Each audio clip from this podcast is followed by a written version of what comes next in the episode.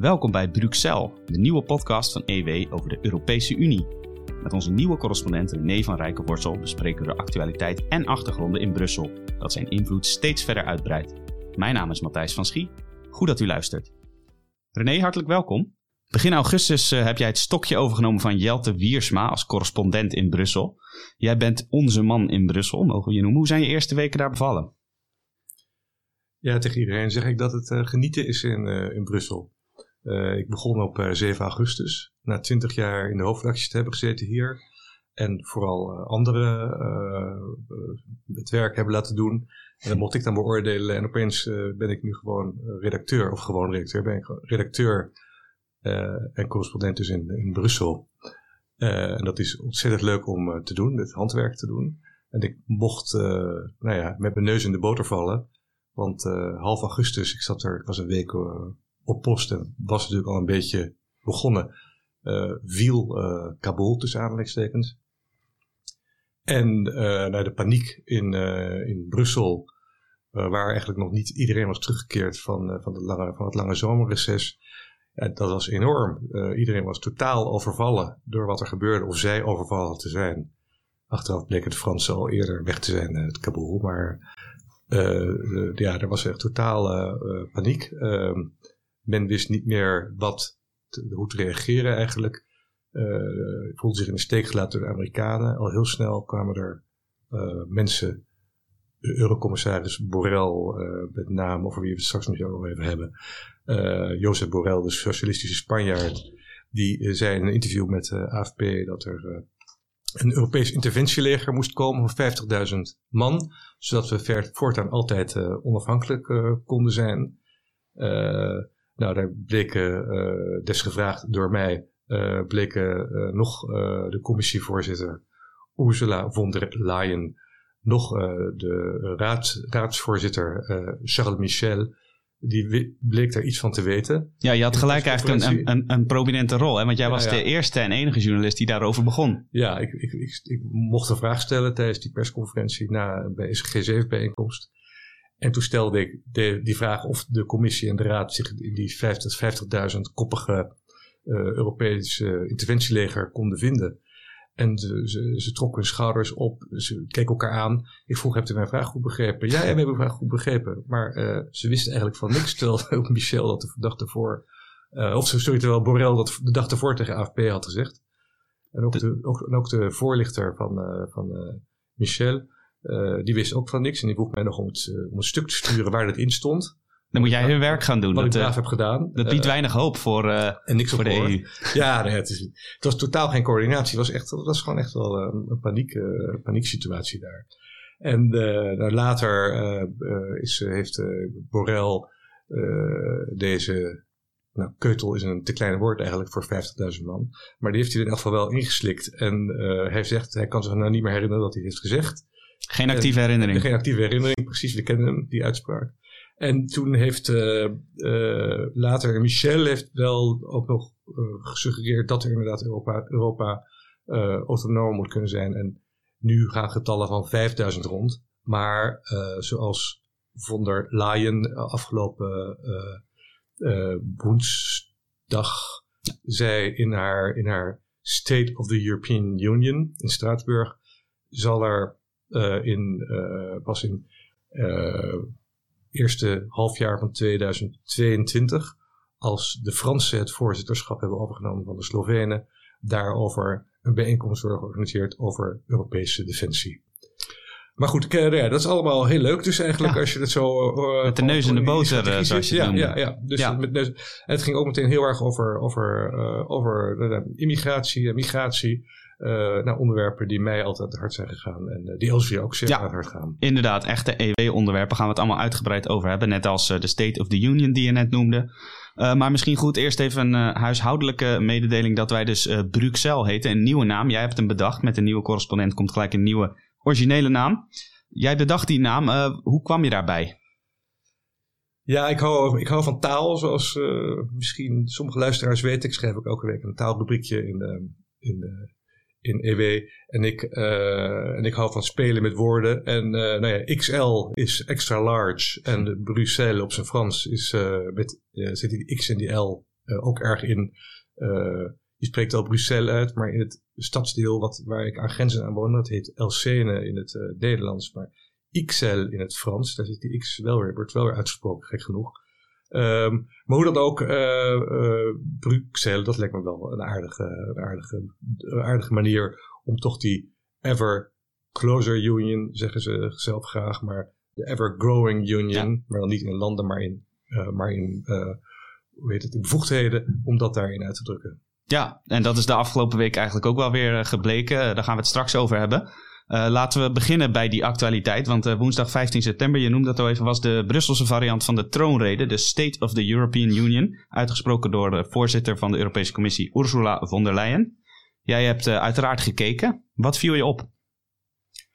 Uh, nou, ten eerste moet ik wel zeggen, iedereen uh, is altijd heel erg negatief over, uh, of velen zijn negatief over von der Leyen. Ze is een weggepromoveerde minister uit Duitsland en had daar niks meer te zoeken, en et cetera. Maar ik moet zeggen, het, is een, het is een verademing om naar te kijken en naar te luisteren. Het is een hele beschaafde vrouw die uitstekend Engels, uiteraard Duits, Frans en zelfs een beetje Italiaans spreekt, zoals ze ook nog deed in haar, in haar toespraak. Dus ze kan een verhaal houden. Ze doet dat op een hele prettige manier, zonder al te veel effectbejag. Uh, ik moet zeggen dat, het een, uh, dat ik uh, met plezier naar haar heb gekeken en heb geluisterd. Dat is de vorm. Dat en nu de, inhoud.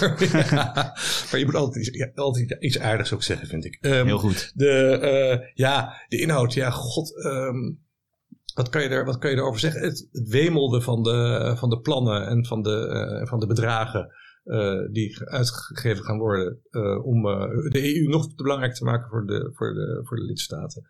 Bijvoorbeeld een, ik kan het niet eens meer reproduceren hoe dat fonds heet, maar het wordt afgekort tot, afgekort tot HERA. En dat is een soort, een soort club die in het leven wordt geroepen. En het gaat de komende zeven jaar 50 miljard euro kosten om uh, klaar te zijn uh, voor een volgende pandemie. Om onderzoek te doen, om gemeenschappelijk uh, geneesmiddelen in te kopen, et cetera. Dus dat wordt, nou ja, het wordt nu enorm opgetuigd. En ik dacht eigenlijk een beetje toen het hoorde van ja, oké, okay, daar heb je in Nederland een heel mooi, mooie uitdrukking voor. Als het kalf verdronken is, dempt men de put. En dat ja. is, dat is wat hier gebeurt eigenlijk.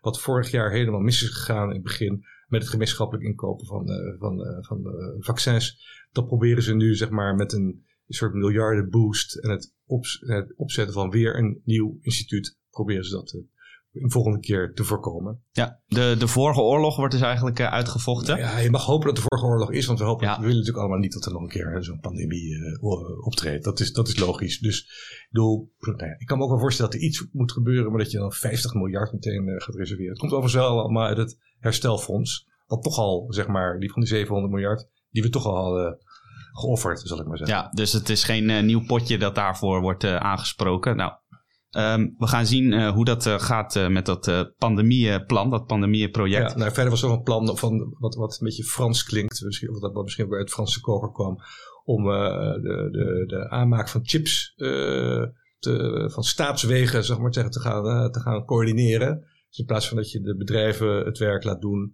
en als Europese Unie dienstbaar bent om bedrijven te samenwerken, wil nu zeg maar de, de, wil de EU de strategie uh, daar, daar, daar, daarvan uh, naar zich toe trekken. Denk ik ook van jongens, moet het nou? Maar laat het lekker aan het bedrijfsleven over. Ja, we hebben in Nederland een uh, heel goed bedrijf zitten in dat opzicht, ASML. Ja, die... die maken natuurlijk geen chips, die, zijn, die maken wel de machines die chips ja. maken, maar ze zijn inderdaad wel daar heel goed in. Ja, ja precies. Een ander belangrijk onderwerp was waar je het net al over had, wat volop speelde toen jij net in Brussel zat, was Afghanistan. En daar was iedereen eigenlijk wel benieuwd naar. Hè, van hoe, hoe gaat de EU daarop reageren en welke conclusies trekken ze uit de val van Kabul en de rest van het land? Ja, nou, daar had eigenlijk uh, had, daar werden geen concrete dingen over gezegd eigenlijk. Dus er werd niet gesproken over een interventiemacht of zo. Er werd wel gespeculeerd op, het, op de mogelijkheid van een Europees leger door, uh, door, uh, door von der Leyen. En wat ik net al zei, dat wordt dan zeg maar volgend jaar, de eerste helft van 2022, wordt dat, moet, tot, moet dat tot concretere aanbevelingen gaan leiden. Maar die lagen er niet. Maar, ze, het was niet zo dat ze zei van dat er geen Europees leger zou komen en dat we eh, de NAVO al hebben. Uh, ze was wel zo, wat ik weet, dat de NAVO, uh, dat heeft ook Jens Stoltenberg, de, de secretaris-generaal van de NAVO, eigenlijk nogal gepikeerd laten weten in een interview dat hij niet voor niks gaf aan de Britse Sunday Times, ik dacht een week of twee geleden, waarin hij echt zei dat hij van geen enkel detail van Europese plannen op de hoogte was gehouden. Dus eigenlijk hebben de, heeft de Europese Unie al speculerend, al hardop denkend over een eigen uh, defensiesamenwerking of een interventiemacht, hebben ze eigenlijk nooit contact gezocht met de NAVO.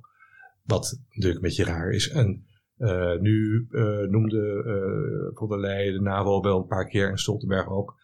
Ehm, er werd er zelfs een plaatje vertoond van haar met Stoltenberg om te laten zien dat er wel degelijk nog een band was tussen de, een, over, een overleg was tussen de twee. Ja, dat waren dus de, de formaliteiten. Maar feit is dus dat die EU eigenlijk heel graag uh, zelf wat meer te zeggen wil hebben over defensie, uh, los van Amerika bijvoorbeeld. Uh, ja, we hebben in Afghanistan natuurlijk kunnen zien dat er nogal wat schort aan de EU-aanpak op meerdere fronten. Een van de fronten waarop het ook de vorige migratiecrisis heel erg moeizaam is gegaan, is het asielbeleid. Uh, want in 2015 uh, ging het met de komst van Syriërs en andere asielzoekers naar Europa niet bepaald van een leien dakje. En uh, voor het huidige nummer van EW zocht jij uit hoe het nu staat met dat Europese asielbeleid. Met de komst van misschien wel honderdduizenden Afghanen in het vooruitzicht. Is Brussel ditmaal wel goed voorbereid? Um, kort gezegd nee. er ligt een, sinds 2019 ligt er het zogenaamde asiel- en migratiepact. Dat ligt, ligt, ligt voor. Dat uh, is een, dat is een, pact, raar woord pact, maar dat is een wetgeving die, die, waardoor, de, ja, waardoor asielbeleid nog meer EU-aangelegenheid wordt.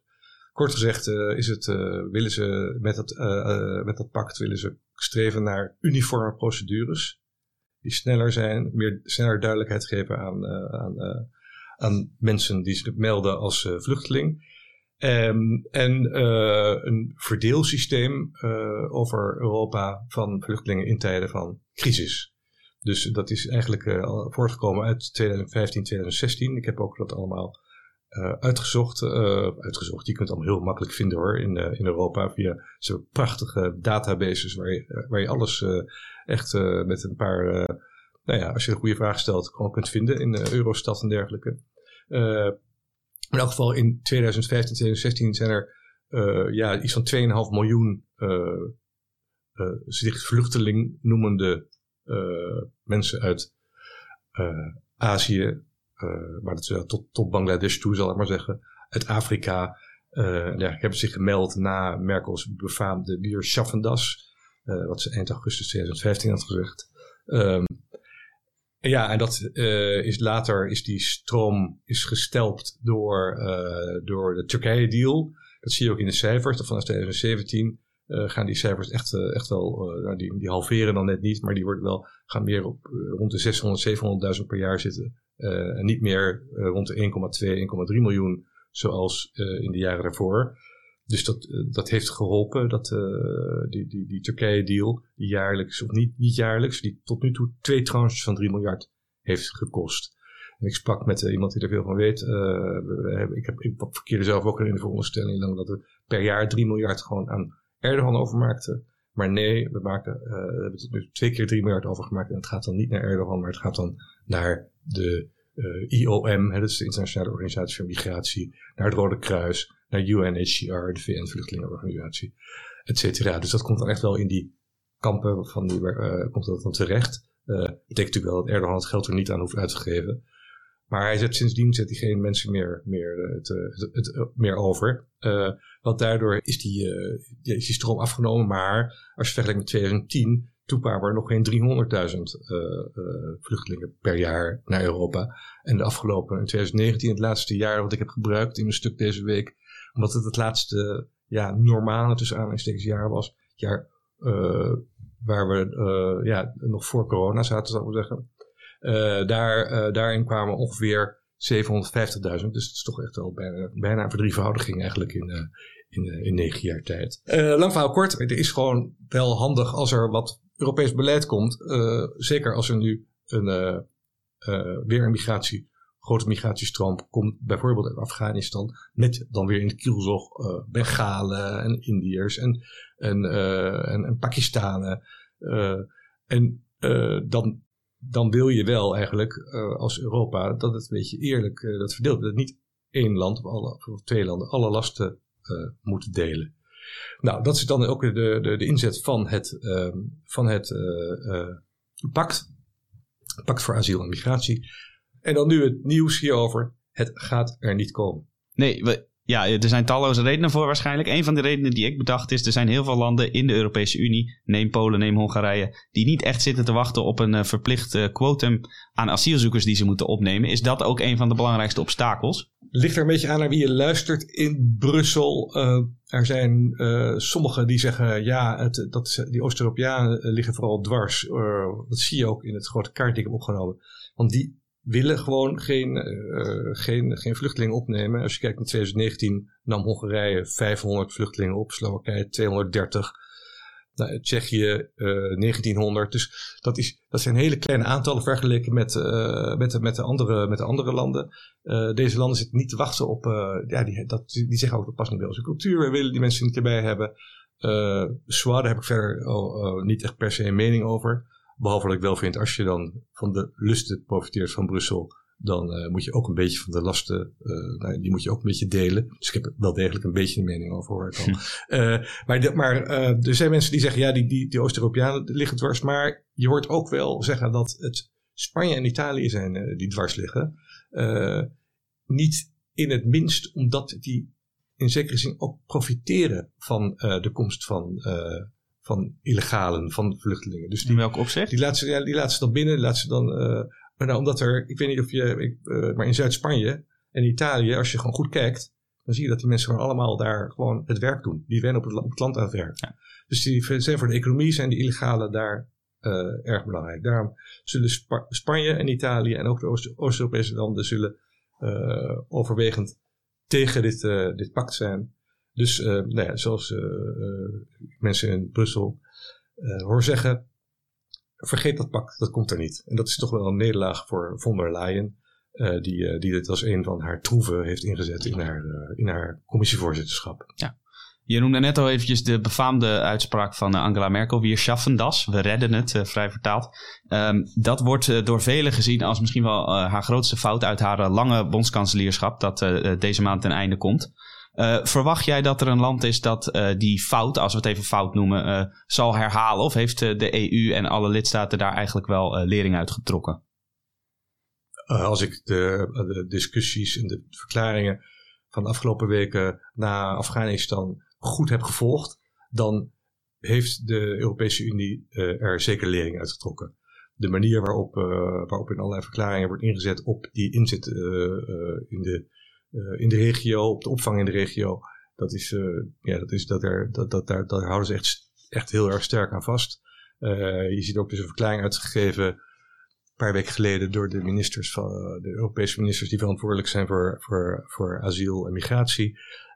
dat is een bikkelharde verklaring. Um, waarin ja, waar één mededeling echt maar in zit, blijf daar in richting van de, van de Afghanen en anderen die naar, uh, die naar um, de Europese Unie zouden willen komen. Uh, en er wordt zelfs gesproken over, dus er heeft wel discussie is er over geweest in die, in, dat, in die club van ministers en staatssecretarissen. maar uiteindelijk is het woord illegale migratie is erin gekomen. En illegaal, dat is in landen als Frankrijk en, en België bijvoorbeeld, dan wordt dat nooit gebruikt. Daar heb je helemaal geen illegale. heb je sans papier of ongedocumenteerde. Uh, er was ook, uh, en er waren ook een heleboel landen die eigenlijk liever irreguliere migratie erin wilden hebben. Uh, maar dat is dan toch illegale migratie geworden. Het enige wat er niet in is gekomen in, dat, in die Bikkelhart-verklaring is een verwijzing, en dat zou Nederland zou graag hebben gewild, naar dat pact over asiel en migratie. Daar mocht niet eens een verwijzing in in die verklaring komen. Hm. Dus uh, uh, ja, er is wel degelijk, om op je vraag terug te komen, er is uh, zeker lering getrokken uit 2015, 2016. Maar er is geen pandklare oplossing om dat te voorkomen. Dat is ook, nou ja. Precies, dus ja, je noemde het net al, de, de Afghanen die gaan waarschijnlijk in grote getalen komen en in hun kielzog migranten, asielzoekers ik weet het niet zeker, Matthijs. Want ik, ik, weet, ik heb geen glazen bol. Uh, er zijn ook redenen te bedenken waarom, waarom ze daar uh, eerder wel zouden, zouden, zouden blijven. Waarom de als ik ook hoor over Afghanistan, ik ben er zelf nooit geweest, maar je hoort ook over Afghanistan dat de, de gemiddelde Afghaan, dat 90% van de Afghaan het helemaal niet erg vindt dat die Taliban daar de wacht hebben. Want die zijn zelf net als de Taliban. Die, zitten in de, in de, die wonen in de, in de provincie, in de bergen. Uh, en het zou alleen maar in de grotere steden zou zeg maar de, de, de afkeer van de Taliban bestaan. Dat is waar inderdaad. Nee, nou, En als, als die mensen ontevreden zijn, dan gaan ze ook, gaan ze ook gereden om te vluchten. Ja, ik las inderdaad uh, om, om het aan te vullen een uh, peiling van het Amerikaanse Pew Research Instituut van een paar jaar geleden, meen ik. Waarin inderdaad 99% van de Afghaanse ondervraagde voorstander was van de sharia. Ja. Uh, nou, uh, het lijkt me dat we mensen die dat zijn liever niet in uh, Europa willen hebben. Dus we zullen zien hoe die stroom zich ontwikkelt. Voorlopig hebben we die nog niet, de Sharia. Nee, nee laten we dat zo houden. hey, daar hebben we het gehad over, over Afghanistan. Laten we dan ook nog even spreken over jouw vaste rubriek uit het weekblad. Ook online te vinden uiteraard in Brussel. daar komt de boel weer een beetje op gang na het zomerreces. je vertelde er al wat over. Helemaal natuurlijk nu de coronacrisis over zijn hoogtepunt heen lijkt. Wordt er ook weer volop fysiek vergaderd na al die maanden van videobellen?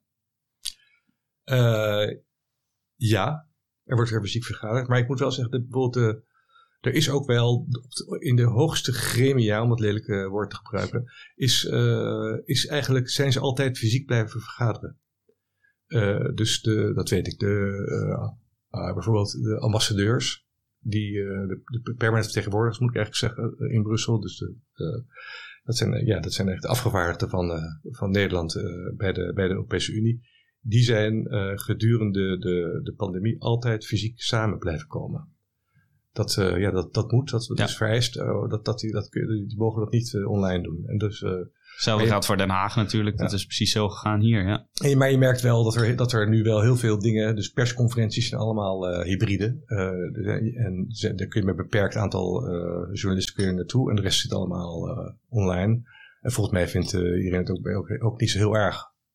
Dus dat, het, uh, dat, het, uh, ja, dat je niet elke keer naar, dat, uh, naar, naar, naar de instituties van de Europese ja. Unie hoeft om een persconferentie aan te horen. Precies. Waar natuurlijk al jarenlang een beetje over wordt geklaagd en ook wel bespot, is het vergadercircus van Brussel naar Straatsburg. Jij sprak voor jouw rubriek met Europarlementariër Rob Roos van de partij Ja21 en die had daar ook nog wel een mening over, hè? Ja, dat is wel grappig die uh, in de reglementen staat dat, dat, uh, dat het Europees Parlement twaalf keer per jaar plenair bijeen moet komen in, uh, in, in Straatsburg. Um, maar in het zomerreces, uiteraard valt er, vallen er zes weken uit. Dus één keer, één of twee keer in het jaar moet ze dan, moet ze dan twee, keer, twee keer een week samenkomen in Straatsburg. En nu had de Roos had gezegd van ja jongens, weet je, doe dat dan gewoon aan ingesloten. Want dan, uh, want dan, uh, uh, dan scheelt het op en neerreizen. Er gaan bijvoorbeeld 105 auto's van, de Europese, van het Europees Parlement rijden elk, elke keer als er zo'n plenaire vergadering in Straatsburg is, rijden die, die, die, die auto's, taxis zijn dat eigenlijk, die, maar die horen bij het Europees Parlement, die rijden dan die paar honderd kilometer naar Straatsburg leeg om daar de parlementariërs op te halen die met, meest met de, uh, met de trein, maar sommigen met, met het vliegtuig daar naartoe komen. En van station of vliegveld naar hun hotel te rijden. En die 105 auto's, dat zijn vast niet allemaal elektrische CO2-neutrale voertuigen. Nee. nee. dus die, uh, dus de, en hij zegt, nou jongens, als we in oktober dan daar toch zijn, doe het dan twee aaneengesloten weken. Dan uh, hoeft niet, het, niet, niet ja. iedereen op neer te reizen. Dan blijven gewoon twee weken als elkaar met z'n allen zitten. En dan gaan we terug en dan hebben we ook twee weken daar zitten. Maar dan zou het als één sessie tellen. En dat mag weer niet. Dus ah. we, gaan dus een weekje naar Straatsburg, een weekje terug naar Brussel en dan gaan we weer naar Straatsburg. Die regeltjes allemaal, ja. ja. Nou ja, het staat in de statuten dus. Dat, uh, dat is dus uh, hoe het in Brussel weer een beetje op gang is gekomen. Hey, laten we tot slot nog heel even vooruitblikken op uh, de komende weken. Wat staat er te gebeuren in Brussel waar wij op moeten letten, waar jij op gaat letten met name? Nou, dat gaat nu toch even over geopolitiek en China, denk ik, op dit moment. we hebben afgelopen uh, week is de Europese Unie totaal overvallen. Net zoals ze dat in, uh, in, in, Kabul uh, waren in augustus. Zijn ze een maand later, precies een maand later, totaal overvallen door de, door de samenwerking tussen de, de Australiërs, de, de, de, de, UK, de UK, de Verenigd Koninkrijk en de, de Verenigde Staten. AUKUS heet dat. A-U-K-U-S is de afkorting. Nou, het lijkt wel een AUKUS des doods voor de, voor de, voor de Europese Unie. Want de irrelevantie van, van, van de EU op het wereldtoneel wordt nog een keer wordt nog eens benadrukt hier. doordat er dat AUKUS niet alleen zeg maar, een samenwerkingsverband is wat, dus, nou ja, wat echt heel erg tegen de Chinezen is gericht. Maar ook nog eens een keer een, een, orde van 50 miljard bij, de, bij, de, bij het Franse uh, Naval. Ik weet eerlijk gezegd niet of het staatsbedrijf is, maar dat zou me in Frankrijk niet verbazen. dat, het, dat, het, dat die order, die gaat nu naar de Amerikanen. Die gaat niet naar de, die gaat niet naar de voor, kern, voor 12 kernonderzeeërs. Die gaat, niet, die gaat niet meer naar de Fransen. Dat is een enorme aderlating natuurlijk. Dat is pijnlijk. Vreselijk voor Macron is dit. ja, dat is echt, echt pijnlijk. En uh, ja, in Europa, dat, is, dat, dat schermt al de hele tijd de afgelopen uh, maanden met de term strategische autonomie. Met andere woorden, we moeten onafhankelijker zijn van de, van de Amerikanen.